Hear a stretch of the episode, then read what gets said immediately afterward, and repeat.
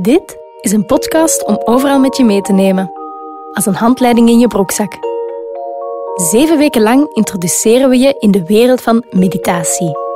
Dat doen we zonder zweverig te worden en zonder de lat te hoog te leggen.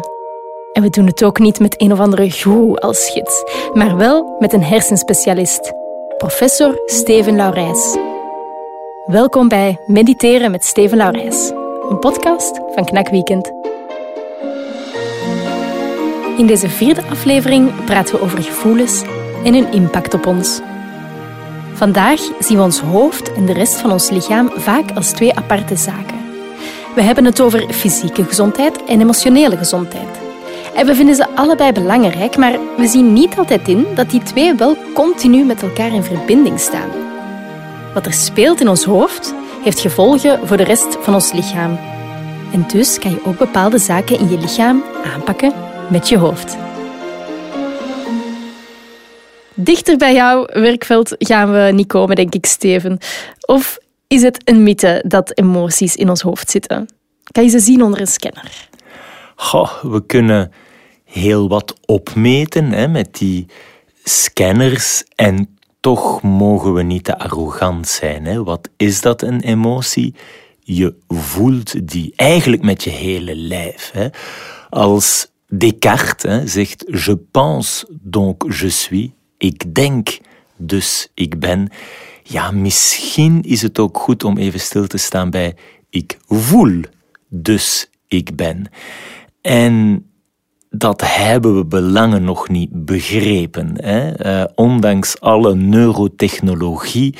Uh, hoe kan je verklaren dat iets materieels, jouw brein, hè, als neuroloog mijn favoriete orgaan, zoiets subjectief als jouw persoonlijke gevoelens opwekt? Hè? Dat blijft een van de grote mysteries voor de wetenschap. En toch schrijf je dat het belangrijk is om je bewuster te zijn van, uh, van je emoties hè? en daar de juiste woorden op te plakken. Absoluut. En ik denk dat we dat eigenlijk onvoldoende hebben aangeleerd. Ik heb het tenminste moeilijk met die ja, bijna dagelijkse vraag. Hoe is het? Ça va? Ja, ça va. En we doen gewoon voort en we praten over het weer. Maar hoe voel ik me echt? Dat is eigenlijk verschrikkelijk belangrijk. En dat ik ook leer luisteren naar de signalen van mijn lichaam. En ja, geen dingen wegmoffel. Doe alsof het uh, nog wel gaat, want dat merk ik dan ook als neuroloog op de consultatie, teleconsultatie nu in het UZ Luik, dat mensen met burn-out, maar ook met spanningshoofdpijn, met zoveel klachten, tandenknarsen, waar ja, dat lichaam ons iets vertelt. Hè. Um, en als we dan gewoon doordoen, ja, op een bepaald moment uh, gaan we met ons gezicht tegen de muur. En dan ga je ineens hè, interesse hebben voor, oké, en uh, hoe moet het nu verder en, en uh, wat met mijn mentaal welzijn. Maar dus heel erg belangrijk, hè, hoe voel je je en daar even bij stilstaan. En dat is ook meditatie. -hmm. En toch hanteren we heel vaak een, een, een scheiding hè, tussen het emotionele en het rationele. Hoe kijk jij daarnaar? En dan vraag ik dat aan um, Steven Arres, de wetenschapper. Wel, die interactie is een realiteit hè, tussen je bewuste rationele brein en alles wat er onder de radar gebeurt, hè, die onbewuste processen, die emoties. En ja, we, we hebben misschien nu wat te weinig aandacht hè, voor die emotionele noden.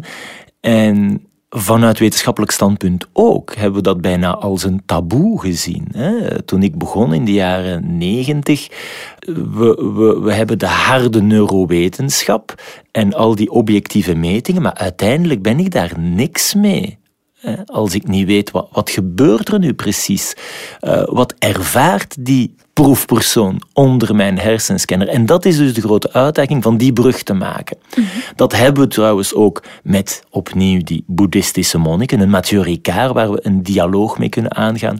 Maar uiteraard voor elk van ons um, gevoelens, ja, dat is een subjectieve persoonlijke ervaring. Natuurlijk is het goed om die wetenschappelijke kennis daarover um, te vergroten, als arts zie ik dan natuurlijk de vertaling naar de kliniek. Dat we ehm, die hele complexe interactie en, die neurochemische soep uh, beter begrijpen om mensen met ja, ehm, mentale aandoeningen, angst, depressie uh, en ja, je weet, één op de drie Vlamingen wordt er vroeg of laat mee geconfronteerd. Um, dus dat krijgt eigenlijk veel te weinig aandacht. Ik denk dat we dat opnieuw reeds op school zouden moeten aanleren. Hè? Hoe voel ik me? Hoe voel jij je? Hoe kunnen we met elkaar beter omgaan?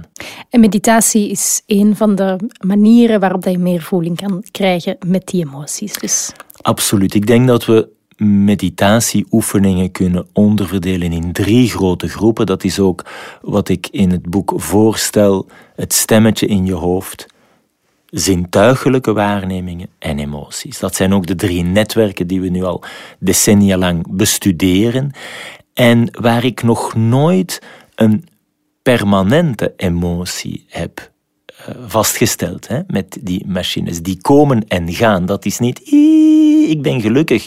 Uh, we hebben, ik woon nu in Noord-Amerika, de antidepressiva. Toen Prozac op de markt kwam, ging bijna uh, elke Amerikaan de gelukspil slikken om hypergelukkig te worden. Dat bestaat natuurlijk niet. Het een kan niet zonder het andere. En dan, ja, leren omgaan met die momenten waar het even ja, uh, meer bewolkt is. Hè.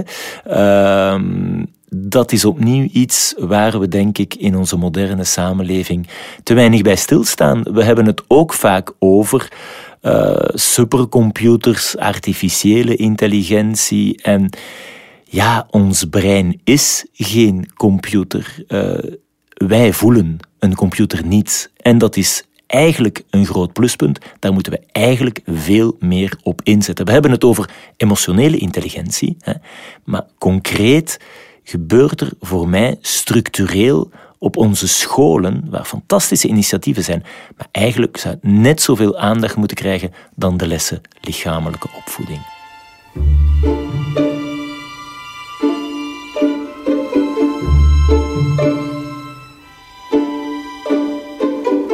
Kan het beter begrijpen van emoties dan ook andere voordelen bieden dan alleen die preventie voor, uh, voor psychische aandoeningen? Wel, ik denk dat dat al heel belangrijk is, hè, dat we daar meer mhm. aandacht voor hebben. Uh, ik werk op intensieve zorgen. Eigenlijk is het verschrikkelijk om te zien hoeveel van onze jongeren het moeilijk hebben en een suïcidepoging doen. Die hebben dan zogezegd alles: een smartphone, televisie, uh, dak boven ons hoofd. En toch hebben ze het moeilijk en gaan ze tot die uiterste daad. Dus ja, dan is het meer natuurlijk dan enkel een SOS-zelfmoordlijn aanleggen. Dat is nadenken, hoe komt dat? En dat is nu al zo lang uh, het geval dat ik denk dat dat echt meer aandacht verdient, absoluut. Ja, aandacht voor je gevoelens, je emoties is belangrijk voor je persoonlijke ontwikkeling als mens. Ook op het werk. Hè. Um, ik ben goed geplaatst als, als zorgverlener om te weten hoe weinig mensen uiteindelijk die ik zie zeggen: Oh, mijn job fantastisch, ik voel me daar supergoed. Uh, we brengen een groot deel van onze tijd op ons werk door en er wordt ook veel van ons gevraagd. En samenwerken is niet altijd makkelijk. En dan ook aanleren van hoe voelt de ander zich, wat zijn zijn noden. Uh, kwaliteiten als empathie, compassie, die dan verder gaat zelf dan, dan enkel uh, die sferen, maar gewoon voor alle levensvormen, voor de hele planeet, hè, die opwarmt en waar we natuurlijk gewoon um, opnieuw niet verder kunnen met business as usual. Ik denk even stilstaan bij die waarden, um, reconnecteren met, ja, ik zou bijna zeggen, onze, onze menselijkheid. We zijn sociale dieren, dus um, meditatie is een uitnodiging om ook dat te cultiveren. Begin bij jezelf en dan naar de anderen.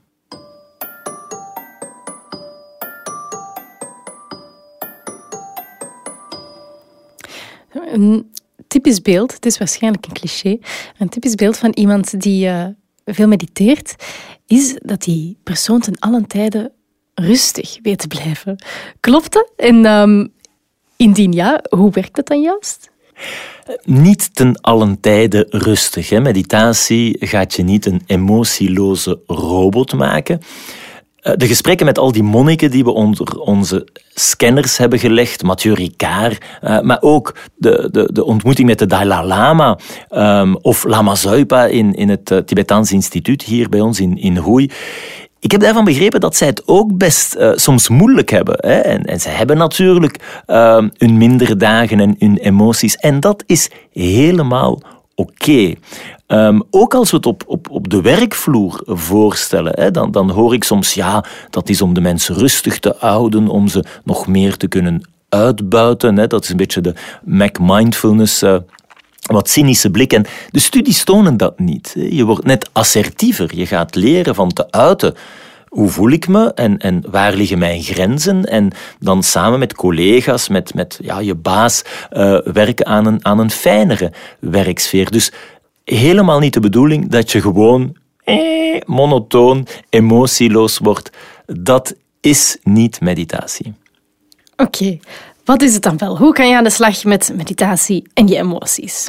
Wel, eigenlijk net zoals we de oefeningen hebben gedaan waar we onze aandacht gaan focussen op de ademhaling, een stuk chocolade eten, kunnen we ook de aandacht focussen op hoe voel ik me? Hè? En hoe voel ik me echt? Het is niet altijd een zonnetje. Soms stormt het, regent het. Mijn echtgenote is psychologe, geeft mindfulness aan kindjes en zij gebruikt dan hè, die emotionele meteo-icoontjes. Maar ik denk dat die nuttig zijn voor ons allemaal. Um, het is ook aanvaarden dat er soms moeilijkere momenten zijn en dan het verschil maken tussen, oké, waar heb ik nu geen impact op? Hè? We hebben de COVID-crisis gehad. Ja, als individu kan je die pandemie en de lockdown niet veranderen, maar wel hoe ga ik daar dan mee om? En daar even stilstaan bij jouw emotionele noden en die van de ander, dat is een hele nuttige oefening. En die van de ander, zeg je. Um, kan je door meditatie niet alleen je eigen mentale gezondheid verbeteren, maar ook dat van de mensen in je omgeving? Ja, we, leven natuurlijk, we zijn sociale dieren, leven niet uh, geïsoleerd als individu. Velen van ons hebben een partner, mogelijk kinderen, onze ouders, grootouders, onze collega's, onze buren, onze vrienden. Dus samen kunnen leven is heel belangrijk. En um, empathie, compassie cultiveren is natuurlijk een groot voordeel. Hè? Uh, privé, professioneel. En opnieuw zijn er daar een reeks dingen die we, die we weten hè, vanuit wetenschappelijk standpunt. En eigenlijk hebben we dat onvoldoende aangeleerd. Hè. De, de, de, de ervaring op school, uh, waar we, weet ik veel, uh, Latijn, wiskunde, aardrijkskunde, dat is allemaal heel belangrijk. Uh, maar hè, computers kunnen nu ook heel veel, heel snel. Ze kunnen niet voelen. Mhm. Dus daar moeten we meer op inzetten. Hoe voel ik mij? Hoe voel jij je?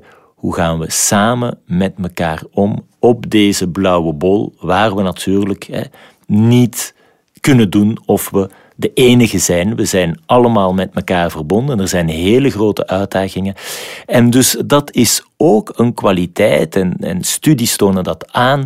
Mathieu Ricard, zijn um, favoriete meditatieoefening trouwens, dat is loving kindness. Dat is het cultiveren van compassie, hè?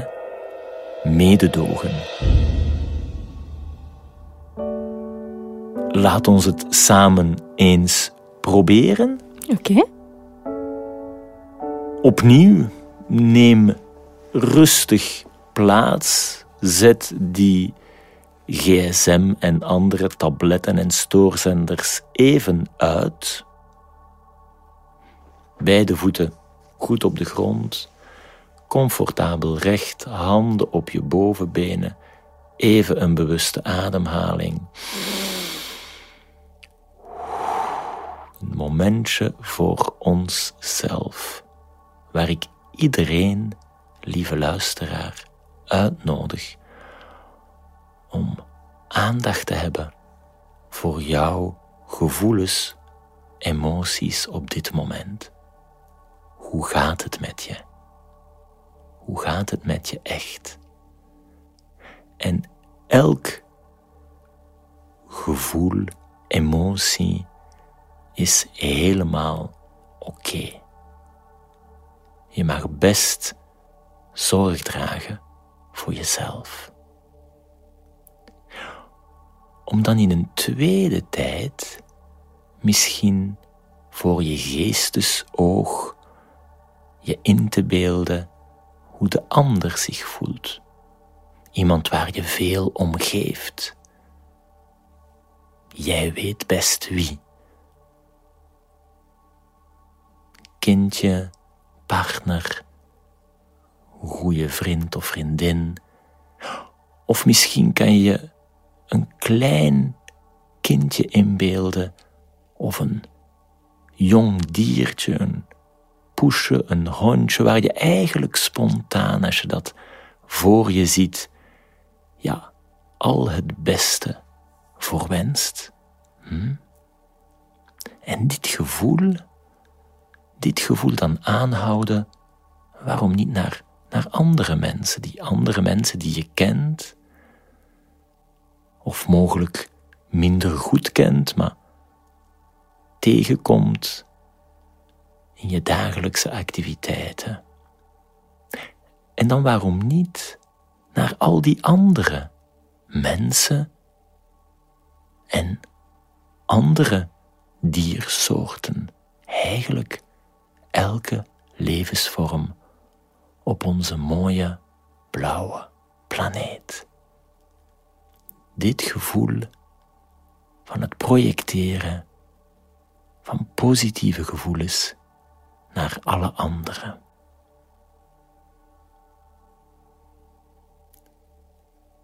Heel knap.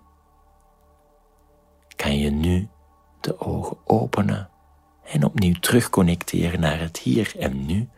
En dit is een voorbeeld van loving kindness meditatie.